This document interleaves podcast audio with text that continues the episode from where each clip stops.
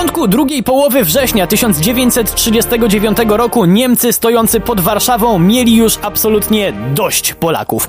Nasza stolica uparcie się bowiem broniła mimo obłędnej dysproporcji sił. Naziści postanowili rozpocząć zmasowany, decydujący szturm 22 września. Jednak mimo, że zdążyli się już pogodzić z faktem, że łatwo nie będzie, to tak wściekłej obrony się nie spodziewali. O polskim oporze z piekła rodem dziś właśnie sobie opowiemy. Przy mikrofonie Wojtek Drewniak zapraszam na kolejny odcinek programu w Drewniakach przez świat. Atak miał nastąpić z północy i południa wzdłuż Wisły na lewobrzeżną Warszawę, której posiadania w przyszłości Niemcy byli pewni. W sumie to warto tu jeszcze wyjaśnić, że w dniu podejmowania ataku obowiązywało jeszcze założenie paktu Ribbentrop-Mołotow, że naszą stolicą wzdłuż królowej polskich rzek podzielą się Trzecia Rzesza i ZSRR. Dopiero 28 września naniesiono stosowne poprawki. Wracając jednak do planowanej akcji, to Wehrmacht przygotował do natarcia 9 dywizji piechoty, 70 baterii lekkiej artylerii i 80 baterii artylerii ciężkiej. To ogromna siła, jednak Niemcy nauczeni doświadczeniem poprzednich dni nie chcieli ryzykować i atak ziemią miał poprzedzić brutalny nalot. Za realizację planu odpowiedzialny był generał von Blaskowicz, który niestety jak na Niemca przystało rozpoczął realizację założeń bardzo dokładnie i punktualnie. 22 września ziemia w Warszawie zaczęła drżeć od wybuchów bomb. Te bomby nie spadały zresztą byle gdzie, zniszczyły gazownie, centrale telefoniczne, elektrownie. Dzień później Warszawa została z kolei pozbawiona wody. Niemcy nadal nie chcieli jednak przystąpić do głównego szturmu.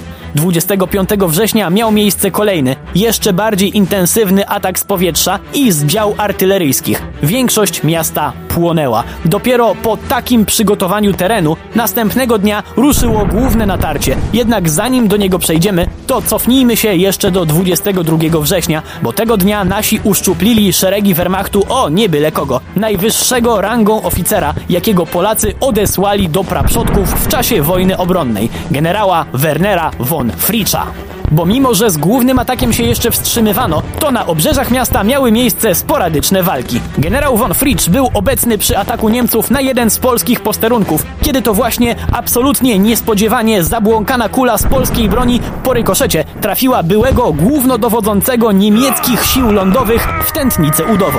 Medyk rzucił mu się na pomoc, po czym z ulgą stwierdził, że nie jest to rana śmiertelna, tylko trzeba ją odpowiednio zabezpieczyć. Po czym miał usłyszeć od generała: Nie przejmuj się. Ponoć von Fritsch w pełni świadomie chciał się wykrwawić i umrzeć. Czemu? Bo wcześniej w wyniku politycznych gierek został skompromitowany. Krążyły o nim różne plotki i ponoć desperacko szukał śmierci na polu bitwy, żeby umrzeć w chwale. Postanowił zatem nie zmarnować tak wspaniałej okazji i odmówił pomocy. Nie zmienia to jednak faktu, że zginął od strzału polskiego żołnierza, a strata tak wysokiego rangą wojskowego była potwornym policzkiem zarówno dla Wehrmachtu, jak i nazistowskiej propagandy.